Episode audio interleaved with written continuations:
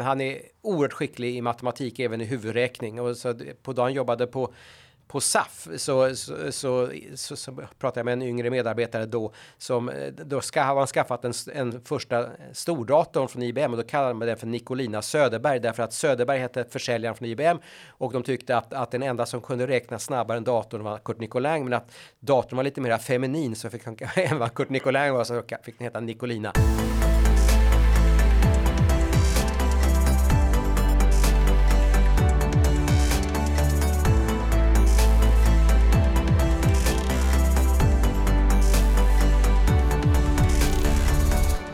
Anders Jonsson är skribent, tidningsman och politiker. Han har bland annat varit chefredaktör för Dagens Nyheter och riksdagsledamot för dåvarande Folkpartiet, numera Liberalerna.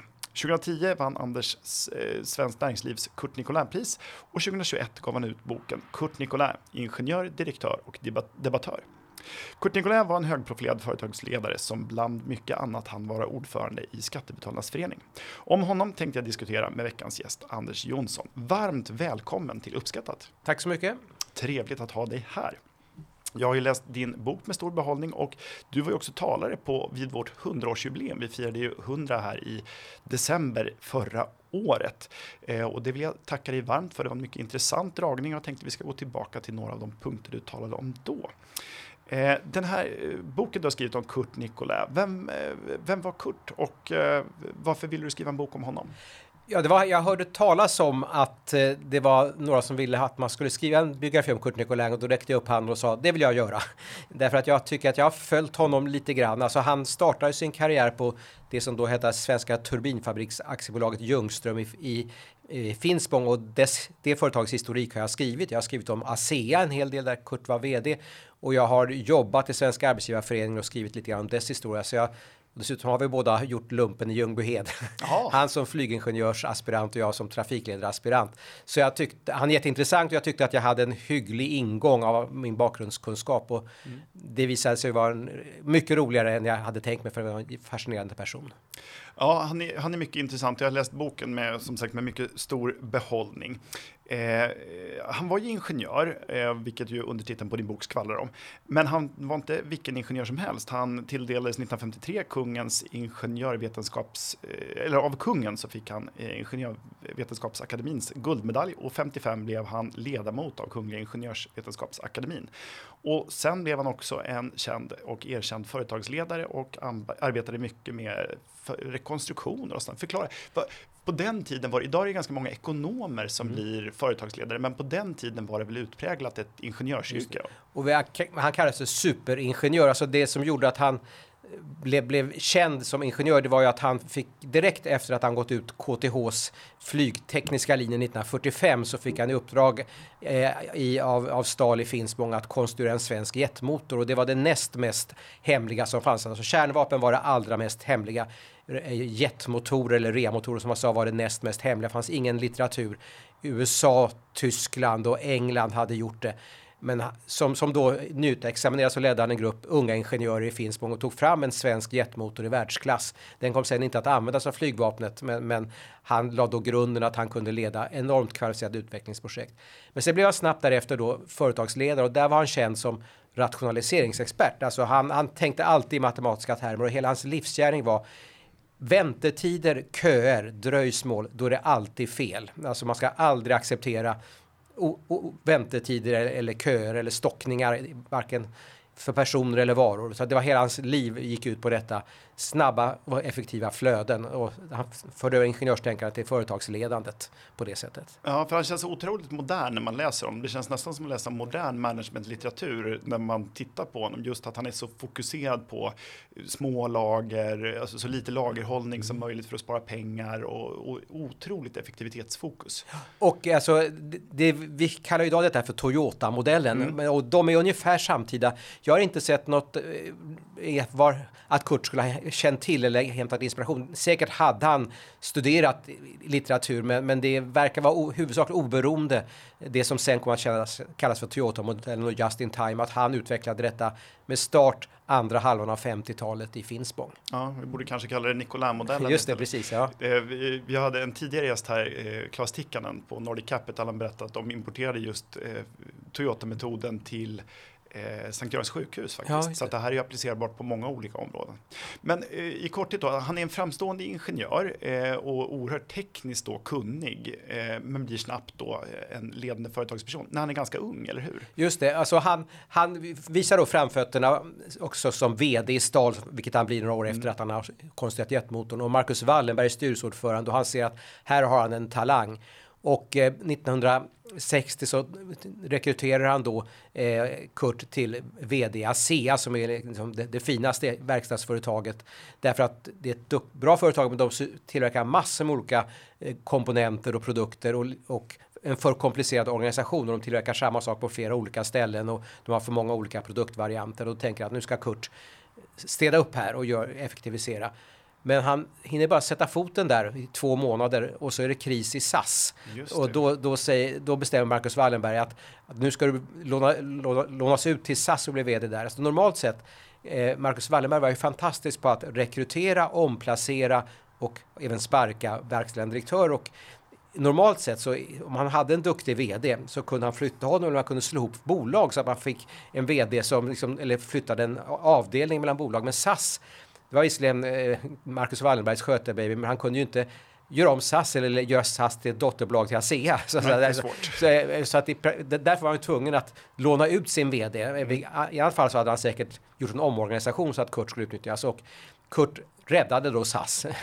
och, och, det är ganska motvilligt han går dit för han brinner ja. egentligen för ASEA. Precis, han vill inte alls göra detta. Han känner kallelsen. Just det, precis. Han är oerhört lojal. Alltså, och det är den som många har påpekat. Jag har intervjuat Percy Barnevik och Janne Karlsson som rekryterades av, av Kurt att har de någon kritik mot honom så är det att han är så lite för lojal till Marcus Wallenberg. Mm. Säger inte emot och så, ja, det gör Kurt nog ibland, men han, han accepterar Marcus Wallenbergs tankar ibland lite för lojalt. I det här fallet så finns det inte på kartan att han skulle vägra att ställa upp.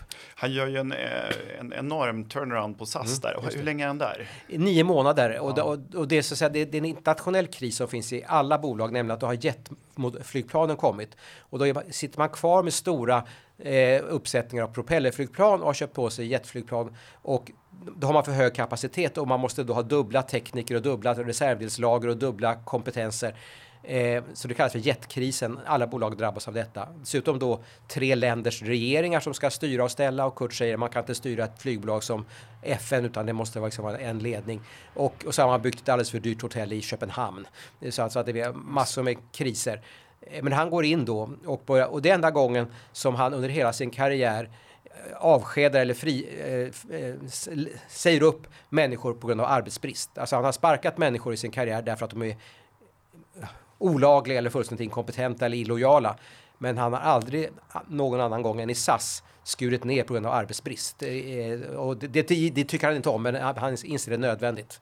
Nej, för han framställs ju under då, vilket du går igenom i din bok, han framställs som en oerhört hård person mm. med liksom, hårda nyper och tuff ja. och, och, eh, det är raka rör och, och nästan brutalt. Mm. Men så är han ju inte inte alls. Han Nej. tycker tvärtom att det är ganska obehagligt att sparka ja. folk. Som person visar sig att han är snarast blödig. Alltså, ja. Det säger han själv. Han, han blev oerhört starkt berörd om en människa lider eller han måste göra något obehagligt. Och han inser att han som, som man i sin generation, alltså inte 20-talsgenerationen, så kan han inte visa sig blödig och vek. Så han klär på sig en hård mask. Det säger han själv att mm. han vill inte blotta sig utan han blir oerhört stram och stel och kortfattad. Och så lite grann är det så att han, han är ju aldrig vulgär. Han svär inte och han skäller inte, han gormar inte. Men, men han är oerhört kortfattad, han är oerhört rak. Han har en, hans utseende är skarp profil och vass mm. näsa som förstärker intrycket. Eh, och han vet det att han då framställs som en obehaglig typ men han tänker han har ett jobb att göra och han är inte där för att bli populär. Så att, men, men som person, och han månar, alltså om det är anställda eller anställdas anhöriga som jobbar nära honom som har problem, då blir han då, då, är han empatisk och ställer upp och säger att du får ta ledigt och hjälpa din mamma nu eller vad det nu kan mm. vara och ringer folk som ligger på sjukhus och sånt där så att han bryr sig om människor i sin nära omgivning men han vill inte visa känslor in, inför en större allmänhet. Nej. Hur, och eh, SAS, han reder ut det genom att bland annat kapa på vad är det, kakorna eller? Ja, det roliga är att han gör allt, allting. Dels så säljer han flygplan, lyckas med detta. Han, han skär ner och han flyttar till exempel Eh, eh, Eh, eh, DC-8, då, stor, de stora flygplanen, de, de, är stationerade i Stockholm, men de sta, start, ska alltid starta från Köpenhamn. Så bestämmer man klart att man ska lägga servicen i Köpenhamn och ha dem stående i Köpenhamn om det är därifrån de ska flyga. Och, och massa saker. Men sen gör han också småsaker mer symboliskt och det är detta som uppmärksammas. Han byter ut eh, juicen mot chokladpraliner och då sparar man 95% av kostnaden. För har du juice så ska flygvärdinnan gå ut och dela ut glas, man ska hälla upp juicen, man ska samla in det, man ska diska. Men chokladpraliner i papper kan man bara kasta ut till passagerarna. och han, ersätter kanelbullar med torra skorpor och då blir uttrycket Nicolainskorpor uttryck om man ska bjuda på kaffe och ha dåligt kaffebröd säger man att det blir bra Nicolainskorpor idag. så att han blir känd för detta, eh, eh, även de här symboliska detaljerna. Mm, men det sätter sig i hela organisationen det, och efter nio månader så är han trots då att det är ett ganska liksom tuff, ett tufft mm. program han genomför så är han populär när han kliver av. Just det, för att de har ju fått massa chefer som säger att vi ska lösa detta och ni ska inte behöva sluta och så här. Och de är trött på jamsandet. Ja. De förstår att det är jättekris och att bolaget håller på att gå under. Det är bättre att någon säger sanning så att han åker runt han presenterar sitt plan eh, eh först i Kastrup och sen i Fornebu och sen slutar han i Bromma. Och I varje fall i Bromma får han applåder. Han samlar alla personal i en hangar och i Bromma så får han applåder av personalen. Äntligen någon som talar om för oss sanningen och inte håller, håller liksom att låtsas som att det går att lösa utan, utan svårigheter. Eh, raka, raka rör och ja, liksom inget, inget, inget bjäfs. Just det, och Bromma är för att det är den enda, det är Arlanda 1, det är just den det, enda flygplats vi han har. Han är med och inviger Arlanda ja. ehm, och till och med då han börjar med att inviga den här äh, Haga-terminalen, bussterminalen i Haga, så noterar de att han är oerhört kort. Kort och effektiv och så rusar han iväg för att sen inviga Arlanda. Ja, han är ju en riktig, han är ju en riktig arbetshäst, mm. får man ju intrycket av i din bok. Vad, vad i övrigt, vad karaktäriserar honom som, som ledare och chef? Alltså, han, han, han har en oerhört hög arbetskapacitet. Han eh, utmärks ju också den ingenjörsdelen. Han är oerhört skicklig i matematik, även i huvudräkning. Och så på dagen jobbade på på SAF så, så, så, så, så pratade jag med en yngre medarbetare då som eh, då ska, har man skaffat en, en första stordatorn från IBM och då kallade man den för Nicolina Söderberg därför att Söderberg hette försäljaren från IBM och de tyckte att, att den enda som kunde räkna snabbare än datorn var Kurt Nicolin men att datorn var lite mer feminin så fick han än vad Kurt Nicolin var så fick den heta Nicolina. Eh, han, han men också detta att han, eh, jag har intervjuat människor som har jobbat med honom, människor som lever idag som då var betydligt yngre som kom in för att hjälpa Kurt i någonting som rimligen stod på, punkt 25 i hans prioritetsordning, alltså inte, inte Kurt viktigare saker, men de sa ju att hade han åtagit sig en grej som för honom alls icke kan vara de allra viktigaste så ställde han alltid upp. Han läste de papper de skrev, han tog sig tid och då han hade ett möte om detta då var han helt fokuserad på det. Eh, så att han, och han var även en duktig mentor. Det har ju både Janne Karlsson och Percy Barnevik sagt och Antonia Axelsson Jonsson som inte hade något operativt samband men hon hade ett problem då hon kom in tidigt därför att hennes pappa hade fått en stroke helt oväntat som kastades in innan hon var riktigt förberedd och behandlades rätt illa av, av, av en släkting och då vände hon sig till Kurt för att få stöd och han liksom stödde henne och hade samtal med henne, ställde alltid upp. Så att hon hade en väldigt stöd av honom i, i då hon skulle utvecklas till en framgångsrik ledare. Mm, ja, hans, hans eh, matematikkunskaper, det pratades mycket om att, att eh, Per Gyllenhammar hade en, en klocka på varje arm för att veta vad, vad tiden var i USA och det där avfärdade väl Kurt? Va? Just alltså, om, man, om man kan räkna slipper man ha två klockor. Eller så, däremot hade han i sitt arbetsrum sen på senare tid då, då han hade lämnat vd-skapet i Asemen hade ordföranderum då på eh, Birger vid Nybroplan så hade han en hygrometer för att, med, eller för att mäta luft, eller sy, han hade mätte syrehalten i rummet så att han förstod att då syrehalten blev för låg då var han tvungen att vädra, då, då tänkte han sämre. Så det var, eh, också ingenjören att ha liksom rätt indikator. Klokt. Och oerhört, och på fritiden så, så ägnar han sig mycket åt, åt sport och så. Han var ja. oerhört aktiv. Han känns ja. som en Duracell-kanin många sätt. Han tyckte om mycket, alltså han hade växt upp under rätt enkla omständigheter. Mm. En, en, hans mamma dog när han var fem år och pappan gifte om sig och både pappan och styvmamman var mycket stränga, så aga förekom nästan aldrig beröm. Eh, I Lycksele, pappan var jägmästare i Lycksele, det var en karg miljö, han var tvungen att ägna sig åt hårt kroppsarbete, skogsarbete som ung och härdades eh, så att, säga, så att han var fysiskt stark och hans bror också. Fysiskt stark, han tränade alltid och liksom det, var, det var golf, det var inte för honom, alltså den här gå och lulla på en golfbana en halv dag och vispa med en klubba, utan det var, det var liksom terränglöpning eller skidåkning eller sådär, liksom mera, mera kraft. Tennis var ju favoritsporten också präglat av Marcus Wallenberg. Skulle man bli någonting i Wallenbergsfären så var det tennis man skulle kunna spela. Tennis man spelar. Ja, det känns ju återigen så oerhört, det känns väldigt mycket, det känns väldigt modernt idag ja, tycker jag. Det, ja. Precis som, som dagens företagsledare. Eh, sen så får han eh, då inte bara chansen utan han blir väl mer eller mindre beordrad då att bli, bli eh, ordförande i eh, Svenska Arbetsgivarföreningen. Och då för, för den lyssnare som inte känner till det så var det tidigare så, idag heter det ju Svenskt Näringsliv, men tidigare bestod det av eh, Industriförbundet och Svenska Arbetsgivareföreningen. Vad var skillnaden mellan de här två organisationerna? Ja, Arbetsgivarföreningen sysslade med de näringslivsfrågor som har bäring på de anställda, framförallt avtalsrörelse, löneavtal, men även pensionsfrågor och skolfrågor, medan Industriförbundet var det mera politiska, alltså handelspolitik, näringspolitik, forskning. Och om man ska se ledningen på organisationerna så var det lite finare att vara ordförande i Industriförbundet. Då åkte man med kungen på utländska exportresor och man satt i två år. Så att de riktiga topparna av Curt Nicolins typ, de var predestinerade att under en tvåårsperiod vara ordförande i Industriförbundet. Det var frågor som företagsledare ofta kunde, hade en god orientering och det var liksom lite glansfullt. SAF-ordförande det var långsiktiga uppdrag. Man var satt många år därför att man skulle lära sig motparten och man skulle lära sig frågor som egentligen inte en företagsledare normalt sysslar med avtalsförhandlingar och sitta dygnslånga förhandlingar med, med LO-ombudsmän. Det är eh, jurist, eh, Just det, i precis. Mm. Mera jurister och, och eh, så att det var duktiga företagsledare, men det var inte det absoluta toppskiktet. Men då hade SAF hamnat i kris. De hade gjort en orimligt hög eller, lön, en lönerörelse 1974 med orimligt höga lönekostnadsökningar. Och då insåg Marcus Wallenberg att nu måste vi styra upp SAF. Och då, han sa det inte till Kurt Nicolin, han sa det till Hans Werthén, Electrolux-vdn, att nu ska du Hans Werthén se till att SAF utser Kurt Nicolin till ordförande. Eh, så att Hans Werthén förankrade upp detta och sen så fick Kurt Nicolin frågan från, från SAFs valberedning fast han förstod att det var Marcus Wallenberg. Och det var ju en signal att Marcus Wallenberg att nu tar jag min bästa vd och sätter honom på detta slitjobb som ja. inte alls är populärt och inte trevligt utan det är ett, ett hårt jobb där man bara blir impopulär eh, och Kurt ställer lojalt upp. Just det, och det, det är ju under de här åren från, det händer ju många, det är många samspelande faktorer, mm. men eh, Sverige inför då i slutet på 60-talet så börjar skattetrycket öka ganska mm. radikalt om man inför ett antal då dolda skatter som mm. så arbetsgivaravgifterna skjuter i höjden, momsen drar iväg eh, och Sveriges konkurrenskraft börjar ju då liksom under 70-talet mm. hacka och vi har stor inflation och flera devalveringar och sånt där.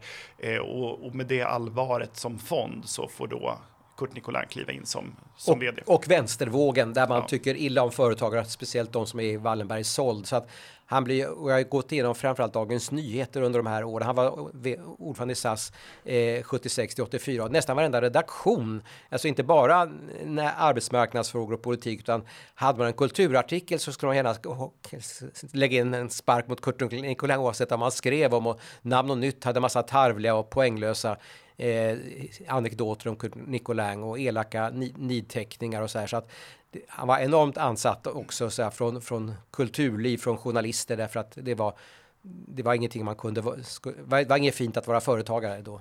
Nej, och det var ju under den här tiden var det ju en, en eh, vänstervåg som du säger, mm. alltså att för, företag, känner ni stanken från enskilda banken var Just, en, en paroll man, ja. man ropade. Eh, så oavsett vad man tycker om det politiska klimatet idag mm. så var det väl ännu tuffare då att vara eh, näringslivsledare. Eh, hur karaktäriseras hans tid då på Svenska Arbetsgivareföreningen? Ja, han började då, han hade ju inte sysslat med avtalsförhandlingar. Ja, han hade faktiskt varit lite grann inblandad och det, det, är, det är typiskt Kurt att eh, han hade varit med i någon sån här informell grupp mellan arbetsgivare och, och fack på 60-talet. Och då, det var ju då ett problem som, som fanns att om man slöt avtal med LO så kom detta också att praktiken tillämpas men på tjänstemannasidan så hade man en löneglidning att de fick löneökningar utöver avtalet och efter slutet av avtalsperiod så hade då eh, tjänstemannalönerna stigit mer än arbetarlönerna än vad som avsett. Och Kurt löste detta matematiskt med det som kallades för förtjänstutvecklingsgaranti. Alltså han hittade en matematisk formel för hur man skulle, och det var egentligen eh, det finns flera exempel i Kurt, att hans briljanta matematiska förmåga så löser han problem som inte borde lösas egentligen. Eh, men rent matematiskt så löste han detta. Så han, men han var inte expert på detta. Och han gick då in all in att försöka ändra på allting. Alltså, traditionen var att det var facket som gav första budet, arbetsgivaren svarade, men han började med att, att arbetsgivaren gav första budet och han ville förändra eh, karensdagar och sjukförsäkringar och ma massor av saker. Det var rätt tänkt teoretiskt, men, men alltså, han kom in i en miljö där, där folk fick, fick blodstörtning. Han försökte ändra för mycket på en gång. Och sen var det de som gav honom råd att, att, så att säga, något eh, mildare strategi. Men, men det var nog rätt att han skakade om. Alltså, mm. Han chockade branschen. Och visar, Inklusive sina egna. Just det, precis. Mm. Att, att ni, håller, ni är i en krisbransch. Ni, ni, eh, ni förstår inte hur man ska göra. Så han skakade av dem rejält. Men sen fick han backa lite grann. Men man kan säga att då, mot slutet av sin tid och framförallt åren efter så fick Sverige väldigt funktionella och samhällsekonomiskt rimliga avtalsrörelser. Så att han, han blev en avvecklingens hjälte. Att alltså under hans tid, särskilt i början, så blev det stora konflikter och mycket problem. Men det var nog en del i en långsiktig strategi att nu ska vi köra den här modellen i botten. Så att säga. Och sen så samlar man sig till, till andra modeller. Ja, för första avtalsrörelsen mm. man medverkar i, där går det väl inte riktigt som Nej, tänkt. Men, men eh, det, det banar väg sen för, en, för, för, för ett helt förändrat förhandlingssätt. Igen. Och det hade nog inte gått att, att i efterhand skulle man säga han borde haft en lite mjukare väg från början, men det hade nog inte gått tror jag. Nej. Det var så enorma blockeringar så att det var nog lika bra att köra på. För, köra på. Ja. Ja, och det är ju en mycket besvärlig tid för mm. att under den här perioden så börjar också diskussionen om löntagarfonder mm. i Sverige och, och, de var inte han en stor vän av, men det var det många i näringslivet som var, eller hur? Ja, inställningen från näringslivet var det typiska bland, bland stor, alltså SAF och Industriförbundet eh, styrdes ju av anställda tjänstemän i storföretag som inte var egna företagare. Eh, av, eh, Man säger på engelska no skin in the game. Just det, precis. Mm. Och de hade ju inställt att Socialdemokraterna och LO har bestämt det här landet och de kommer fortsätta bestämma. Och nu har LO bestämt sig för löntagarfonder, ja då blir det löntagarfonder. Nu är vår uppgift att se till att vi får så lite skadliga löntagarfonder som möjligt. Erland Waldenström, Grängeschefen, var sinnebilden för detta, men det var den, den förhärskande. Jag tror man kan säga att Kurt Nicolin var den första anställda storföretagsledaren som insåg att detta var käpprätt åt helvete. Mm. Så många små familjeföretagare, småföretagare insåg detta.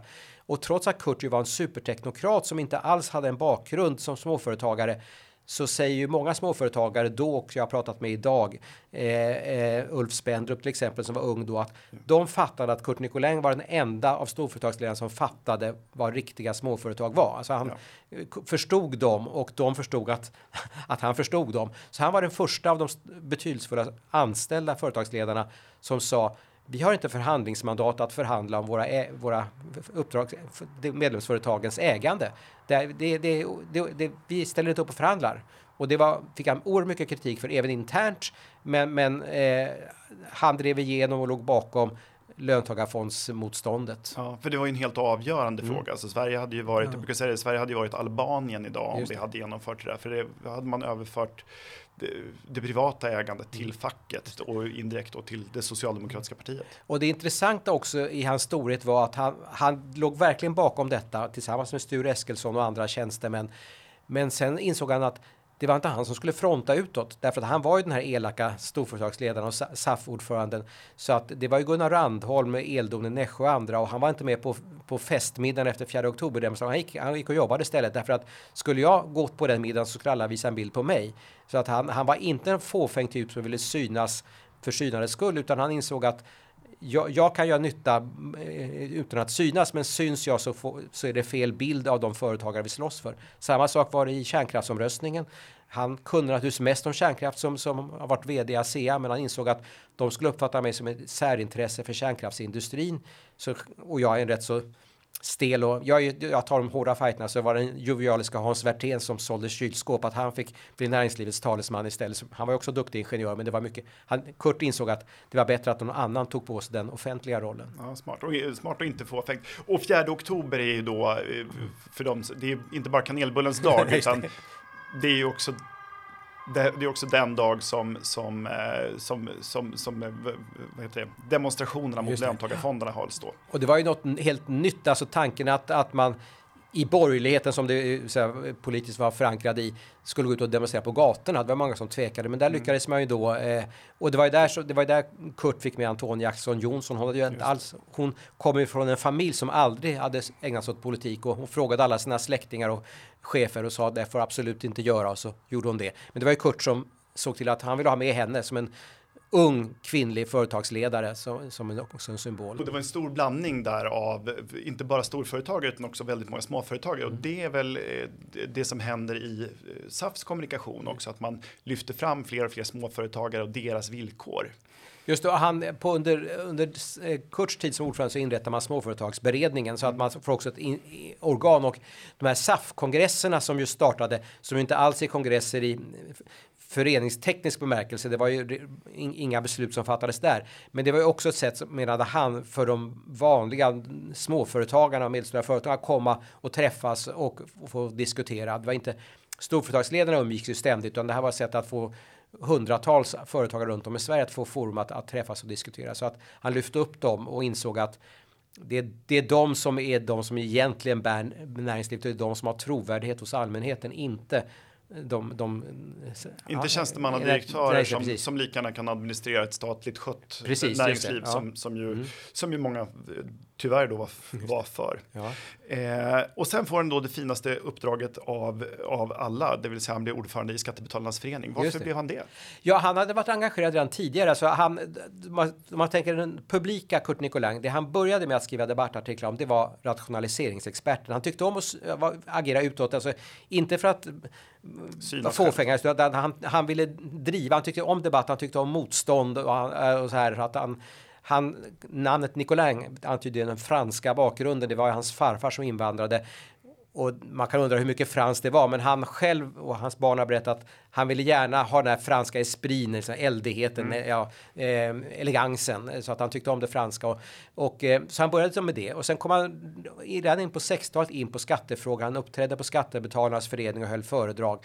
Eh, och sen blev han då, blev han då ledamot, ordförande i, i Skattebetalarna eh, 1969 och var till 76 då han tog över ordförandeskapet i, i SAF. Men han, han var intresserad av de här frågorna. För honom var ju också skattefrågor mycket matematik. Ja. så, så, att, eh, eh, och han var en effektiv eh, opinionsbildare eh, och tyckte om, om att synas. Ja, syntes och, och var, ja, som sagt, och han fick ta mycket stryk i debatten. Mm. Är det någonting som påverkade honom? Blev det, ty, tyckte han att det var jobbigt att få stryk i debatten? Hans barn har sagt att det är klart att han tog illa vid sig. Mer av de här riktigt, så han blev utsatt för ett mordhot i, i, i Västerås. Man hittade aldrig om det var bara påhitt eller så där, verkligen.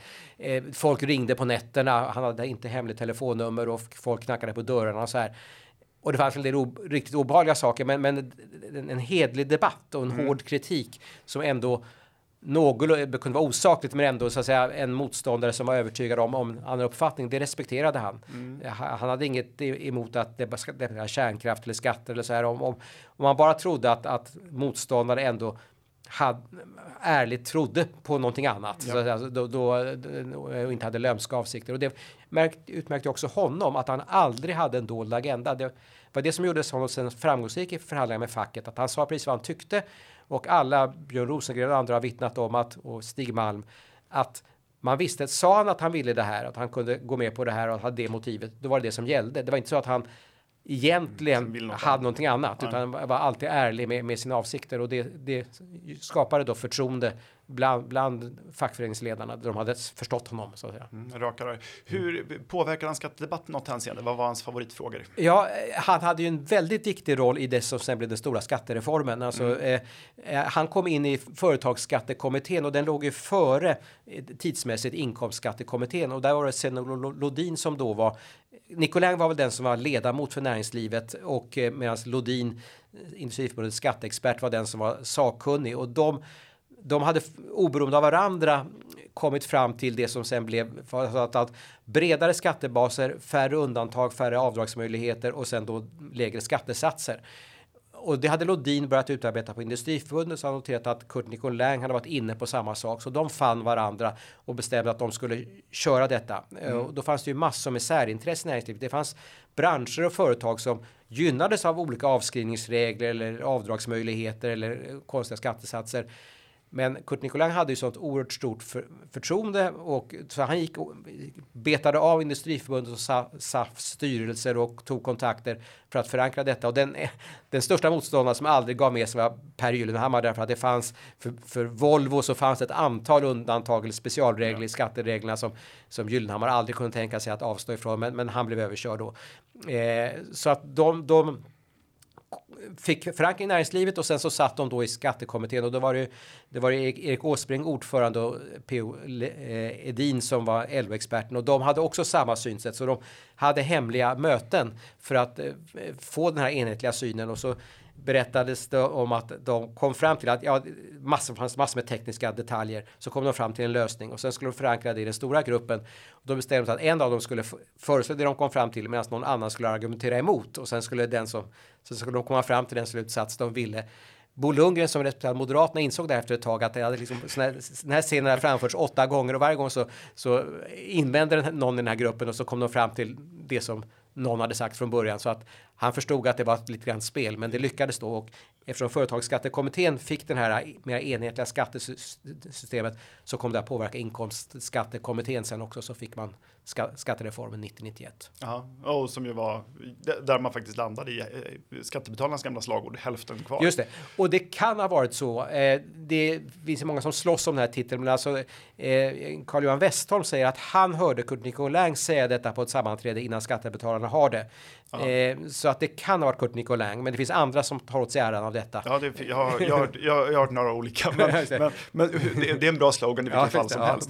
Eh, men det, och, och, det du sätter fingret på här är ju mm. någonting som är väldigt viktigt och det är ju att vissa regleringar och skatter och avdrag och sånt, ju krångligare ett system är och desto bökigare det är så finns det ju de som eh, kan dra nytta av det. Inte minst stora företag mm. med, som har mycket större möjlighet än småföretag mm. att skatteplanera och kan ha jurister och, och skatteexperter mm. anställda medan småföretag hamnar i kläm. Men här gör ju då Kurt Nicolin en, en, en, en insats eh, mm. helt osjälviskt. Jag menar, det här är någonting som, som inte alldeles säkert då gagnar ASEA på kort sikt Nej, eller, eller Wallenbergs värld.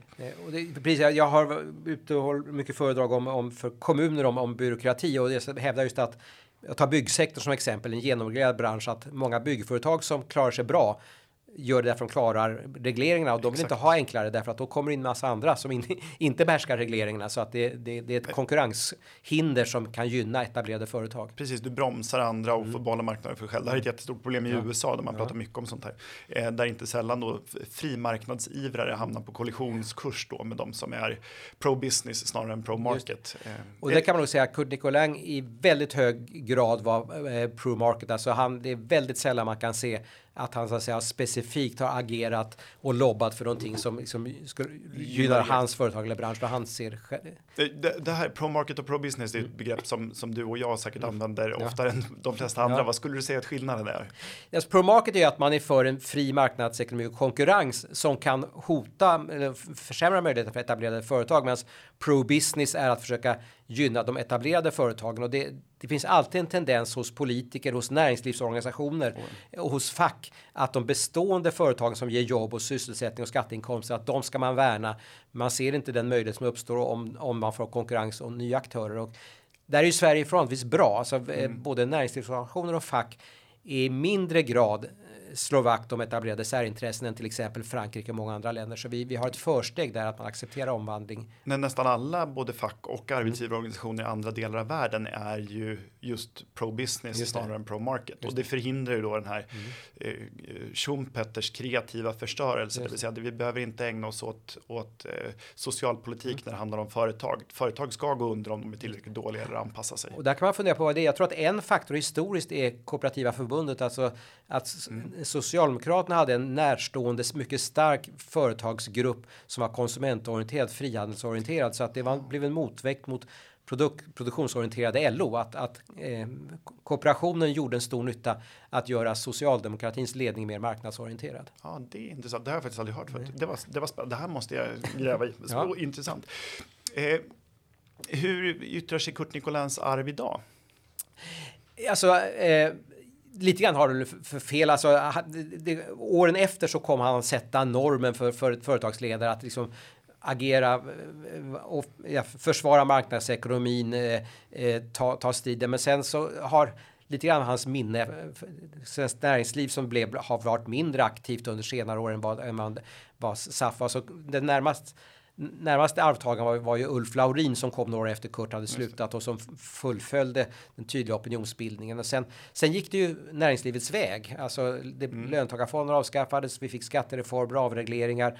Men sen har vi nu sedan 5, 6, 7 år tillbaka återigen en sån nysocialism eller nymerkantilism och där tycker jag att man inte har sett eh, arvet av Kurt. Ett skäl kan ju vara att de riktigt stora företagsledarna där är Sverige en så liten del av deras verksamhet. Alltså Ericsson och ABB och vad det nu kan vara. De är så globala företag att man inte riktigt har tid och orkat att ägna sig åt Sverige så mycket. Så att eh, det saknas. Eh, det finns naturligtvis enskilda exempel på företagare som är aktiva idag, men men det här att man kommer från den verkliga toppositionen i näringslivet som Kurt gjorde och tar på sig det här hundjobbet, det, det mer sällsynt. Och, och liksom inte bara för företagens väl utan för hela landets väl. Mm. Är det så att det kommer att krävas en stor kris för att den insikten ska infinnas igen tror du? Ja, alltså kriser är, kan skapa, det, så var det ju då, alldeles ja. uppenbart. Alltså, Första signalen kom ju från Marcus Wallberg redan 1968 då han sa till alla sina storföretagsledare nu går ni ut i debatten och, och för debatten. Och det var ju bara egentligen två som på allvar. Det var Kurt Nicolin och Hans Werthén som var som personer väldigt olika som var väldigt bra komplement. En den riktigt allvarlige, stränge, hårde ingenjören, den andra lite jovialiske, humoristiska Hans Werthén. Eh, men, men eh, jag tror det. Alltså det måste vara ett mer påtagligt hot som gör att, att man går ut. Men, men det finns ju som sagt enskilda företagsledare runt om i Sverige av hyggligt stora företagsledare som gör insatser. Med, kanske mer mot slutet av sitt liv, om man har liksom karriären bakom sig och då, då kan man ha, ha råd att ta de här striderna. Ja, ja det har, det, Svenskt Näringsliv kritiserades då för några år sedan för den här massarinstrategin mm. där man skulle liksom fika sig fram till bra beslut. Men, mm. men, eh, men ibland måste man sätta då hårt mot hårt och vara lite tuffare i, i opinionsbildningen. Mm. Men som sagt, det kanske är, vad heter det, eh, känslan av allvar infinner sig kanske först när hotet om löntagarfonder och eskalerande inflation är som störst. Ja. Men, men man behöver ju ständigt kratta i manegen för att sånt här ska mm. funka. Eh, och det är väl också under Kurt Nicolins tid i Svenskt Näringsliv som stiftelsen Fritt Näringsliv bildas Just också va? Just det, man aktiveras, den, den, den är ju äldre men den reaktiveras och Timbro och mycket. Men det är också en del i Kurts strategi att man ska ha flera röster. Det. det. finns saker som SAF inte kan eller bör säga därför att de är ändå en part på arbetsmarknaden. Man har många intressen internt att ta hänsyn till. Så därför så Timbro, det blev ju två grenar, Ratio mer akademiska och så Timbro mer populära. Eh, näringslivets ekonomifakta startade han, det var ju en ombildning av energifakta i kärnkraftsomröstningen, blev sen ekonomifakta.